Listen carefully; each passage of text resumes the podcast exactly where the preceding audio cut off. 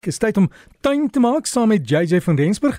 Hy is ook steeds nog betrokke hier by kwekerye in Suid-Afrika soos Garden World aan die westerkant van Johannesburg, maar woon uh, ook in Australië en werk daar by een van die groot botaniese tuine. En ek het hom ook al gevra hoe is die weer vandag daar in Australië? Dis jy het gesê dis semi-tropies, né JJ? Dit is so semi-tropies, maar weet jy as jy in die aande buite rondloop, as jy maar kry koud, hoor, so as jy tropies genoeg vir my nie. So hoe, hoe laat Ek hou maar vir die warmer weer. Hier by ons is dit nou so amper kwart voor 8. Hoe laat is dit by jou? Kwart voor 4 in die middag. So jy kan amper huis om rugby te kyk. ja, en braai julle genoeg, JJ? Ek is bekommerd, jy weet. Nee, definitief. Nee, hoor jy so, dit is nou een ding as jy mens kyk na die verskeidenheid van braaiers wat hier beskikbaar is, is nogal heelwat, maar die mense baie braai baie meer met gas as met hout, hoor. O, o, ja, en ek weet hulle het weet ons het nou kragopwekkers nie met beerdkrag wat petrol en diesel gebruik, maar daar gebruik hulle gas, né? Ja nee, hierso gebruik hulle gas. Hy's heeltemal stil, maar natuurlik hier's baie baie min kragopwekkers wat hierso um hardloop. Hier's geweldig baie sonpanele want die regering sit eintlik baie geld in sonpanele in. So as jy sonpanele wil opsit, dan betaal die regering meer as die helfte van jou um sonpanele wat opgaan. So dis eintlik 'n baie beter manier natuurlik om vir die uh, omgewingsvriendelike manier om krag op te wek is deur die sonpanele en as 'n mens hierdie dag nou nie die krag gebruik wat jy opwek nie, dan word dit dan weer teruggesit in die stelsel. So jy kry basies krediete daarvoor en dan as jy jou krag vanaand sou gebruik wanneer dan in die sonskyn is nie, dan gebruik jy nou weer van die krediete. So is 'n interessante manier hoe hulle dit doen en dit werk vir hulle hierso. Maar ja nee, ek hoor hier is maar net so kragprobleme wat moontlik kan kom is ook aan hierdie kant. Hoor, mense moenie dink die kragprobleme is net in Suid-Afrika nie. Ja, en JJ ek weet daar in, in die woestyn deel is daar swart klip wat hulle gebruik wat hulle pype onder sit en die swart klip hou die hitte in die aand en dit maak stoom om dan krag op te wek in die middel van die nag. Jy 'n bietjie uit van daar en ons vertel. Maar hoor jy ons is hier om tuin te maak. Ons ons wyk nou af hier van die fokus af en die, die onderwerp. Wat moet ons doen, JJ? Daar's hy Derek. Ja nee, kyk word net lekker koud oor die hele suidelike halfrond as ek so kan stel. En ek sien wat die mense by die huis kla ook. Hulle sê met al die reën wat hulle gehad het nou en die laaste rukkie raak dit nou lekker koud in die aande daarso. Nou baie mense se Cymbidium orchidee begin eintlik nou al blomme stoot. Nou as jy wil weet wat in die Cymbidium is, is daai ene wat daai langerige vlasblare het wat gewoonlik 'n papperige vlasblaar is en dan kom die hele uh, ritsblomme kom eintlik hoër as die vlasblare uit die grond of uit die pot uit. As jou orgidee blom of hy sy as hy begin knoppe maak en jy wil hom graag inbring, kan jy nou so maak. Gelukkig is Cymbidiums ook lekker sterk, so jy kan hulle buite los. Jy hoef hulle nie altyd in te bring nie, want as jy nou 'n baie groot pot het, ek weet baie mense ehm um, spog altyd met die hoeveelheid ritse blomme wat hulle op hulle potte kry. So as jy 'n groot pot het of 'n wynvaatjie het wat jy nie kan inbring nie, kan jy dit ook buite los. As jy eintlik jou Cymbidiums lanklaas gevoer het of as jy nie mooi of swak blomvorming laas jaar gehad het, is dit eintlik ook nou die regte tyd om gou te voer. Gebruik jou orgidee blomvoedsel, maar gebruik spesifiek die ene wat blomme aan aanjaag. Gaan vra by die kwekery watter orgidee voedsel gaan die blomme gee, nie net die algemene groei nie, en dan sal hulle sommer dadelik vir jou die regte ene gee wat die blomme gaan aanbring. Wat belangrik is as mens kyk na siektes wat jou orgidee kry vir al die Cymbidiums, is natuurlik jou swart kolle wat jy op die blare kry en dit is gewoonlik antraknose. Dit is 'n swart vlek soos hulle dit noem en dan kry mense ook gewoonlik jou wolluise en dopluise. En jou wolluise sit gewoonlik in die voue van die blare en jou dopluise sit op die blare self. Maar gaan gesels met jou nasoeker kry, hoor bietjie wat kan jy daarvoor gebruik? Vat 'n foto in, wys hulle wat jy het, wys hulle wat se plan dit is en dan kan hulle ook sommer vir jou verduidelik hoe om dit te behandel. Dis nou ook die regte tyd en ek weet jy praat altyd daarvan Derek om kompos te maak van die blare wat onder die bome val, asook die kleiner takke wat jy nou gedurende die wintermaande gaan afsny en oral optel.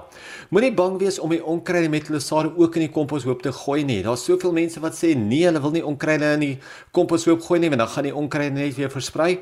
Maar onthou die hitte wat deur die kompos gegenereer word, sal die onkruidsade heeltemal afbreek. So jy kan met jou onkruid met sy sade in die komposhoop gooi. Nou nie alle blare maak goeie kompos nie veral nie jou blare met baie olies in hulle nie, soos byvoorbeeld jou verskillende bloekoms, jou denne, jou bottelborsels, jou laurierblare en jou konifere. 'n Mens sukkel altyd of baie keer om met hulle lekker kompos te maak, net omdat daar so baie olies in daai blare self is.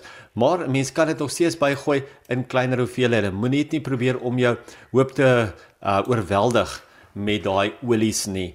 Nou waar begin 'n mens as 'n mens jou kompos maak? Eerstens jou kompos hoop moet in die skaduwee wees. As jy in die skaduwee is dit net soveel makliker om kompos te maak. Baie mense maak kompos in die son, maar onthou 'n komposhoop in die skaduwee verg baie minder moeite want hy droog nie so vinnig uit nie en hy genereer ook sy eie hitte. Tweedens onthou lig en water is baie baie belangrik. Jy moet jou komposhoop gereeld kan nat maak. Hoe meer son hy kry, hoe meer gereeld moet jy dit maak want hy gaan vinniger uitdroog en dan die natuurlike lug is net so belangrik soos ek nou net gesê het moenie jou kompos ook enigsins kompakteer nie. Draai jou kompos indien moontlik sommer met 'n vurk om dit te deurlig. Nou hulle sê altyd as jy dit ten minste een keer 'n week kan doen, sal dit uh, die beste wees want lug of althans suurstof is baie belangrik vir die afbreekproses. 'n Mens wil nie hê dit moet 'n anaerobiese proses word wat alles eintlik suur word en nie afbreek nie. Laastens maak gebruik van 'n komposaktiveerders. Nou natuurlike komposaktiveerder wat jy sommer uit die tuin uit kan gebruik in die vorm van kruie is komvry. Nou komvry is daai lekker groot blare wat mense sommer kan opsny en dit in die komposhoop ingooi of jy kan natuurlik die blare in water week en dit dan oor die komposhoop self uitwater. Daai belangrike bakterieë uh gaan natuurlik help om die kompos vinnig te aktiveer. Nou ek weet of jy vinnig die kompos vinnig af te breek. Ek weet baie mense gebruik sommer 'n kraalmis of so ook daarvoor.